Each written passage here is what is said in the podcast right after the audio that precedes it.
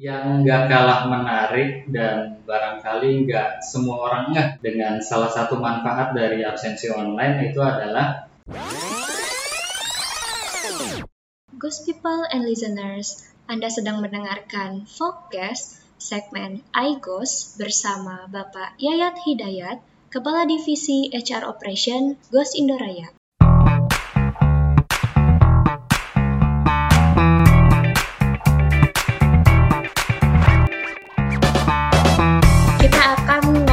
Langsung sama Bapak dari semua orang. Bapak Bapak dari semua orang di Ghost ya. Pak Yayat. Halo, Halo, Pak Yayat. Selamat kabar? datang. Alhamdulillah sehat. Selamat datang Pak di Oke. Focus. Akhirnya kita akhirnya ngobrol. bertamu juga. Iya. Saya sampai lupa mau nanya kabar tadi. Mau welcoming dulu, jadi lupa deh nanya kabar. Alhamdulillah sehat ya Pak ya sejauh ini. Semoga teman-teman semua di GOS juga tetap sehat ya. Amin, amin ya Allah. Ya meskipun masih pandemi ya Masih Pak ya. pandemi. Sebelum kita masuk ke poin inti nih Pak, boleh tahu nggak sih Pak HR, khususnya Pak Yayat gitu ya, lagi ada project apa atau lagi ngerjain apa gitu, boleh disampaikan? Ya, baik. Terima kasih Rizka. Jadi sebetulnya di tahun 2021 ini memang ada beberapa target yang Mhm. dilakukan di HR ya. Tidak lari dari empat pilar yang memang sudah dicanangkan oleh GOS, empat pilar transformasi ya. Pertama, transformasi SDM.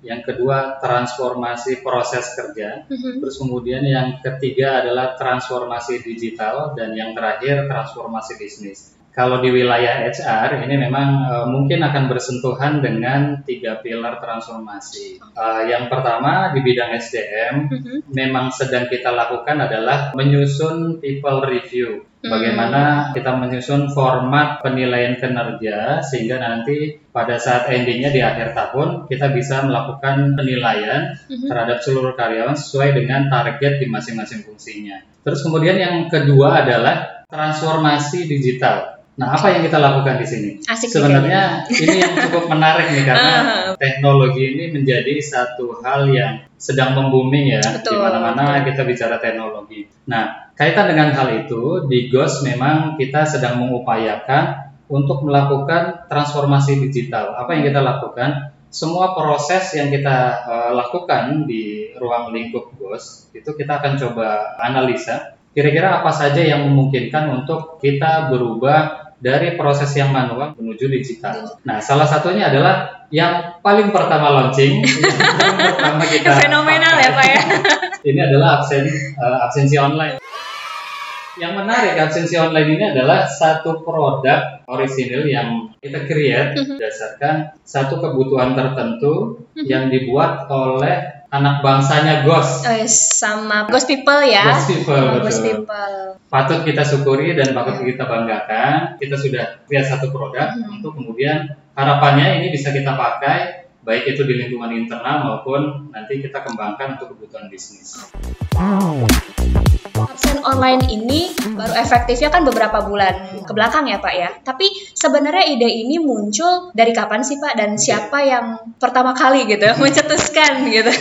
Sebenarnya ini ide bersama ya Mhm. sebenarnya antar masing-masing unsur yang ada di GOS. Kita coba mulai gali dulu kira-kira apa nih latar belakang dari Oh, iya, terciptanya betul. ide untuk membuat uh, absensi Absen online. online.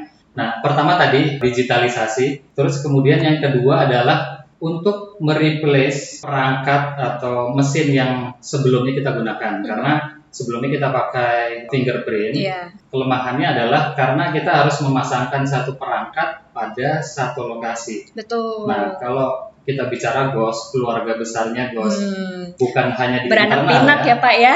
bukan hanya di internal, seluruh karyawan TAD itu tersebar di banyak titik. Yes. Jadi kalau kita masih menggunakan perangkat itu rasanya sudah tidak relevan lagi untuk kita bisa gunakan di masa-masa sekarang ini. Yes. Nah, yang kedua, jangan lupa bahwa kita sebagai karyawan ini punya satu kewajiban untuk mencatatkan kehadiran. Ya, betul sekali. Yang kadang-kadang kita memang suka lupa. skip ya, suka skip. Ya, karena itu satu kewajiban, kita kembalikan ke lagi ke eh, Kodratnya. kodratnya. Kalau itu wajib ya harus kita lakukan. Betul. Cuman memang kita tinggal pikirkan bagaimana cara yang kita harus tempuh Hmm. supaya kewajibannya tetap terpenuhi, perangkatnya juga bisa digunakan oleh semua orang di mana pun berada. Ada satu lagi yang menarik sebetulnya, Mhm. bicara kebutuhan tidak hanya untuk internal, ternyata pas kita lihat di klien-klien kita ini Mhm. banyak yang memang membutuhkan fitur-fitur yang ada di absensi online. Oh. Contohnya misalkan di salah satu project bicara absensi online kan fiturnya banyak, Heeh, bukan benar. hanya sebagai pencatat kehadiran. Betul. Termasuk misalkan ada salah satu fungsi eh, jabatan yang menuntut untuk melaporkan apa yang dia lakukan di satu tempat ke tempat yang lain karena dia mobile. Yang terakhir Nah. sebenarnya ini yang paling relate dengan kondisi saat ini adalah dia akan memberikan supporting terhadap perubahan pola kerja. Hmm, Di mana sekarang ini kan kita mix ya antara WFO WFH. dengan WFH. Ah, Dengan bekerja sistem remote working tentunya sudah tidak relevan lagi menggunakan mesin absen yang uh, tertempel berada di kantor. Karena Gimana mau WFO ya? Latar belakang dari dibuatnya absensi online ini tadi ada lima ya Pak ya. Ya. Salah satunya adalah membuat kerja kita tuh sebenarnya lebih fleksibel. lebih Nah kalau kayak gitu kita boleh nggak sih Pak eh, kita kerja tuh kayak misalkan sambil liburan gitu di Bali atau di Bangka Belitung gitu-gitu? Nah, sebenarnya absensi online ini adalah satu step awal untuk kita bisa uh, sama-sama berangkat dari pola kerja yang konvensional sebenarnya menuju pada tren sekarang yang kita udah bekerja dari jarak jauh. Mhm, benar. Jadi intinya kan sebetulnya bukan di mananya yang bersangkutan Iya. bekerja, tapi bagaimana dia bisa tetap memberikan output kerja sesuai dengan harapan. Mau di mana pun boleh sebenarnya. Iya, Nanti yang penting- trennya akan seperti itu. Iya, yang penting outputnya hasil kerja lo mana gitu ya. Nah, nanti mudah-mudahan ya uh, step selanjutnya kita juga bisa merancang satu sistem bisa melakukan fungsi monitoring terhadap baik yang subordinat kita lakukan maupun kita sendiri lakukan itu bisa termonitor dengan baik. Kalau ada perubahan atau ada hal-hal baru itu kan tidak lepas dari yang namanya reaksi pro dan kontra gitu ya. Nah, kalau dari Pak Yayat sendiri nih, apa sih yang Pak Yayat tangkap atau tahu gitu dari Ghost People tentang reaksi dari absen online ini? Oke, sebenarnya yang paling mendasar itu adalah melatih untuk membiasakan sesuatu ya dari Hmm. pola lama menuju pola baru. Itu yang memang semua orang mungkin sulit untuk melakukan itu. Jadi merubah kebiasaan lama menjadi kebiasaan baru. Sebenarnya intinya itu karena ketika kita lakukan survei kecil-kecilian, kira-kira teman-teman apa sih kendalanya pada saat Mhm. absensi online? Yang pertama paling banyak dilakukan adalah lupa. Betul sekali, Rizka juga Pak. Pengakuan dosa ini saya ya. Nah, bicara lupa ini kan tinggal bagaimana kita triknya atau caranya supaya nggak lupa seperti apa. Betul. Ada beberapa orang yang memasang alarm. Nah, Itu juga ya betul menarik sekali. juga. Menjelang jam 9, handphonenya bunyi. Heeh. Eh, Menjelang atau setelah jam 3, handphonenya juga bunyi. bunyi lagi absen jangan lupa absen gitu ya itu salah satu dari sekian banyak cara untuk kita Ya. mengubah kebiasaan lama menjadi baru ya pak ya Yang berikutnya adalah masalah perangkat. Karena sebenarnya perangkat yang kita gunakan ini adalah smartphone. Fungsi dari smartphone itu kan sebenarnya bukan hanya untuk melakukan absen ya. betul sehingga terkadang memang kita pada saat pegang handphone belum tentu ingat absen. nah Tapi kalau betul. sebelumnya karena memang fungsi dari mesin itu untuk melakukan Absen. absen, jadi sepanjang kita mau melihat, kita lewat udah pasti kita udah absen apa belum? nah jadi mau nggak mau tuh inget gitu Mau ya karena ingat. kita lihat kita agak sedikit menyinggung tentang smartphone ya Pak ya. Ya. Gimana buat teman-teman yang mungkin smartphone-nya kurang mendukung atau nggak bisa itu gimana tuh Pak? Jadi memang ini bagian dari salah satu metode yang sudah dirancang oleh teman-teman IT kita Mhm. bahwa memang bicara smartphone ada beberapa teman-teman karyawan yang ada keterbatasan ya. Mm-mm. baik itu mungkin secara spesifikasi smartphone yang memang belum mencukupi ataupun memang nggak punya smartphone sama sekali. Nah, Iya. ini ada salah satu metode atau cara, jadi mereka tetap bisa melakukan absen, aksesnya melalui website. Oh, Oke, jadi nggak harus di smartphone aja ya Pak ya, di bisa via laptop Bisa. karena itu dibukanya bukan hanya di aplikasi tapi di website juga bisa ya Website Pak ya. Terkait dengan pro dan kontra nih Pak, sebelum akhirnya launching nih si absensi online ini sudah terfikirkankah sama para creator gitu ya, tim creator absensi online ini akan hal-hal yang saat ini muncul gitu. Sebenarnya kita sudah memprediksi bakal ada pro dan kontra. Ini kita buat menjadi beberapa tahapan. Hmm. Jadi tahap pertama yang sudah kita launching kemarin, tahap berikutnya tentunya kita akan lakukan beberapa pengembangan sesuai dengan kebutuhan. Karena kalau kita bicara kebutuhan, kebutuhan ini luas kebutuhan di kita mungkin berbeda dengan kebutuhan di klien. Oke oke, jadi memang sudah terprediksi ya Pak ya. Iya. Dan karena ada prediksi-prediksi itu, para tim creator ngasih stage gitu ya, stage pertama ini dulu gitu. Iya. Nanti orang-orang disuruh menyesuaikan dulu, baru nanti stage kedua dan seterusnya absensi online ini udah terpikirkan jauh sebelum pandemi atau pas pandemi aja gitu baru Oke. ah kayaknya kita harus gitu karena pandemi gitu. Eh, Sebenarnya sudah terpikirkan sebelum pandemi ya. Bahkan kita memang sudah sempat survei dengan beberapa vendor eh, absensi online supaya mendapatkan gambaran bahwa di luaran sana seperti apa sih? Apakah memang sudah sedemikian masif kebutuhan mengenai absensi online? Tapi karena tahun lalu kita memasuki masa pandemi, benar benar. jadi ini sebetulnya momentum. Ide sudah terpikirkan, terus rancangan juga sedikit-sedikit memang sudah kita rencanakan. Mhm. Pas pandemi kemarin ya ini momentumnya, momentum untuk kita segera merealisasikan apa yang sudah kita rencanakan. Hmm, jadi pandemi ini adalah sebagai suatu kondisi yang mempercepat ya Iya. Pak ya. jadi sebenarnya rencananya udah ada dari kapan tahu gitu ya Pak ya. Cuman karena pandemi inilah, ayo kita harus Iya. cepat lah. Gongnya pas online. pandemi ini. Nah, gongnya ya, karena meminimalisir megang-megang fingerprint gitu ya Pak ya. Ah, menarik sekali ya. Jadi kita harus berterima kasih juga kepada pandemi.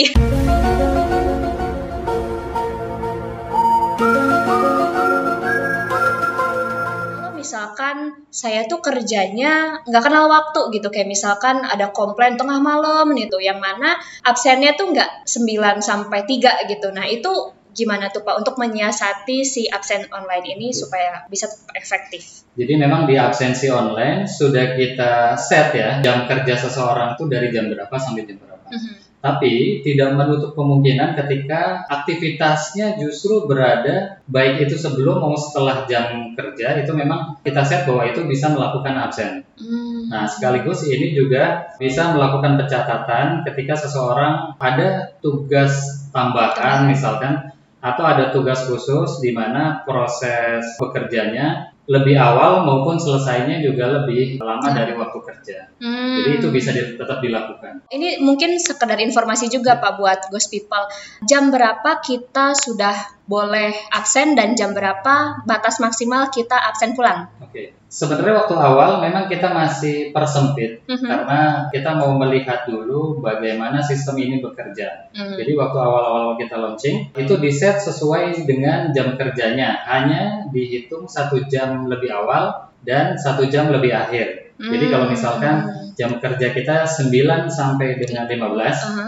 itu baru bisa absen jam 8 eh, absen masuk, jam 16 absen keluar. Oh. Nah, tapi seiring waktu kemudian ini kita sempurnakan karena memang ada beberapa fungsi-fungsi atau teman-teman kita yang melakukan pekerjaan justru di luar dari jam, jam kerja, betul.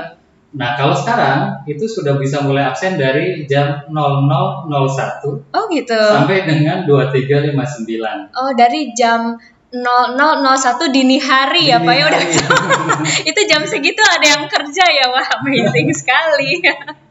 Jadi batas maksimal kita absen. Kalau misalkan nih kita lagi WFO terus pulang ke rumah lupa nih absen pulang gitu. Jam 9 malam baru inget itu masih bisa ya Pak Masih ya? bisa. oh masih bisa Ghost People jadi tenang aja masih bisa absen kok. Dan masih Jadi dihitung kita ya Pak ya? buat se-fleksibel mungkin supaya tujuan absen bukan untuk tujuan menyulitkan tapi hanya sebagai satu alat untuk membantu memonitor target pekerjaan kita gitu. Mhm. supaya memang setiap individu tercatat di mana dia bekerja, apa yang sedang dia lakukan. Nah, kemudian ini ada salah satu fenomena terkait absensi online yang menarik sih, Pak. Tentang yang waktu itu dibikin ranking tuh per bulan. Oh, Jadi sebenarnya si ranking itu tuh tujuannya buat apa Untuk sih? apa sih gitu ya? Nah, apakah kita memang dituntut untuk berkompetisi antara satu unit dengan unit lain atau sebagai apa sih, Pak? Oke, sebenarnya itu salah satu cara kita untuk membantu percepatan melakukan pembiasaan baru. Karena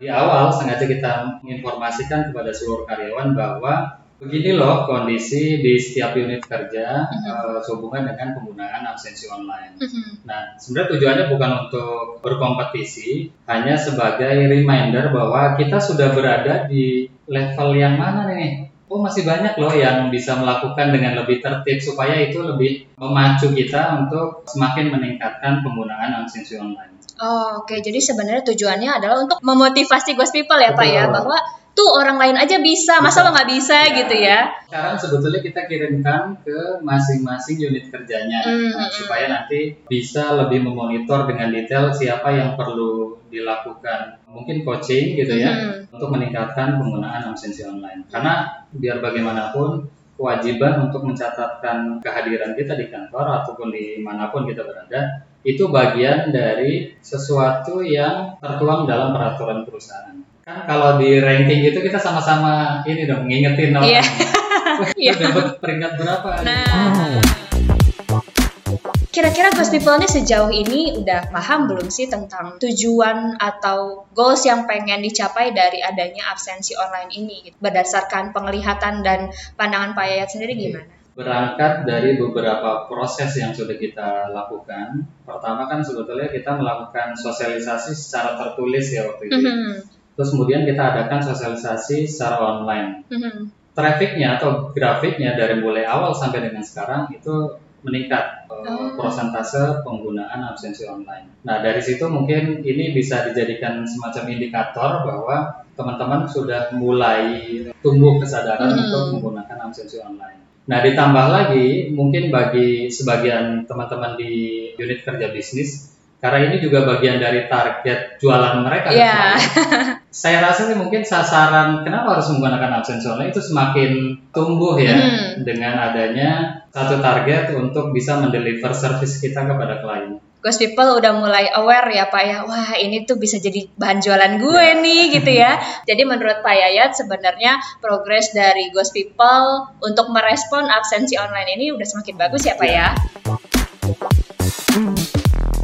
Kita sebagai ghost people tuh apa sih yang bisa kita lakukan selain kita hanya ya udah absen online selesai gitu. Misalkan kita mau ngasih saran atau mau ngasih kritikan itu boleh nggak sih? Kalau boleh ke siapa dan gimana caranya? Secara teknis bisa ya, bisa menyampaikan ide, saran, kritik bahkan Mhm. itu boleh disampaikan ke HR. Kami terbuka ketika misalkan, oh harusnya ada fitur ini nih, Hmm, ada yang Gitu. kurang ada gitu yang ya. kurang, atau ini kayaknya saya kesulitan nih di bagian Ah. ini. Nah itu boleh. Itu langsung Boleh email ke. Pak Yayat aja gitu. Langsung di email ke saya Oh. ataupun ke Bu Fitri Oh, oke. ke Mbak Neri Fitria. Oke, jadi buat ghost people yang punya keluhan gitu ya Pak ya, atau pengen kasih saran tentang absen online nih, kira-kira kalau di unit saya itu harusnya ditambahin ini deh Pak kayaknya gitu ya, itu boleh banget email ke Pak Yayat, ke Bu Fibri, atau ke Mbak Derpita ya. Ke depannya atau dalam waktu dekat ini, kira-kira absen online ada hal baru apa nih yang akan di launching gitu? Boleh spoiler dikit gitu? Oke, sebenarnya ini fasenya sudah berjalan ya, Hmm. fase development tahap 2, di mana kita menjaring kebutuhan dari masing-masing unit kerja bisnis. Hmm. Nah, apa saja nanti fitur-fitur yang akan kita coba garap? Nah, salah satunya adalah fitur untuk mengajukan cuti. Oh iya. Nanti bisa dari aplikasi. Nah, terus kemudian yang kedua, ini sebetulnya digunakan untuk kebutuhan tertentu. Nanti ada kayak semacam log activity untuk fungsi-fungsi tertentu yang membutuhkan adanya satu report, misalkan di satu titik ke titik yang lain, Mhm. itu nanti ada fitur log activity termasuk dengan kita melakukan attachment dokumen di situ. Terus kemudian bisa melakukan setting parameter untuk melakukan lock atau unlock location. Mungkin kan bagi setiap fungsi berbeda-beda Hmm. sasarannya. Ada yang memang harus berada saat pada satu lokasi tertentu, ada juga yang kita bisa mobile. Betul. Jadi nanti itu disesuaikan dengan kebutuhan. Nah, berikutnya apa lagi? Nantinya akan bisa melakukan konfigurasi terhadap jam kerja yang agak unik atau shifting. Jam kerja kita 9 ke 15. Iya. Tapi mungkin di tempat lain ada jam kerja yang berbeda-beda. Mhm. Si A 9 sampai 15, si B-nya mungkin 10 sampai berapa. Ya, ya. Nah, itu nanti bisa dilakukan konfigurasi. Nah, Oh. terus kemudian ada pengembangan dari sisi struktur approval. Mungkin jenjang approval di kita dengan di klien itu kan Berbeda. barangkali mungkin agak berbeda ya Hmm. nanti bisa dilakukan penyesuaian yang nggak kalah menarik dan barangkali nggak semua orang ngeh dengan salah satu manfaat dari absensi online itu adalah sebagai satu alat bukti yang sah mencatat kehadiran seorang karyawan. Kebutuhannya ketika misal amit-amit ya Mhm. terjadi kecelakaan kerja. Nah, salah satu dokumen yang harus di, kita penuhi untuk proses klaim ke BPJS adalah bukti kehadiran seorang karyawan. Oh. Ini yang kadang-kadang kita luput Iya, ya. iya. Rizka sendiri juga baru tahu, Pak. Betul. Jadi memang salah satu fungsi dari absensi online kita bisa tarik datanya, kita bisa tarik reportnya untuk dijadikan sebagai alat bukti bahwa yang bersangkutan sedang melakukan pekerjaan. Jadi dampaknya memang seberentet itu ya, Iya. Pak ya. Sampai ke BPJS, BPJS juga butuh bukti nyata kalau kita tuh beneran kerja gitu ya. Terima kasih banyak sudah sharing informasi yang eh semua orang tuh menanti-nanti loh Pak gitu ya. Semoga Ghost People bisa menangkap maksud dan tujuan dari adanya absensi online ini ya Pak ya. Dan semoga proyek-proyek HR ke depannya yang tentunya sangat berguna buat Ghost People lancar Amin. dan juga Pak Yayat dan tim diberikan kekuatan kekuatan dari segala apa pun lah itulah ya. Dan sehat-sehat selalu ya Pak ya. Amin. Terima kasih. Sama-sama Pak Yaya. Alright Ghost People and Listeners, stay tune terus di channel Focus Voice of Ghost Podcast. Jangan sampai ketinggalan episode menarik selanjutnya. Dan jangan lupa share pengalaman mendengarkan Focus kamu ke seluruh penjuru Ghost Indoraya dari Sabang sampai Merauke.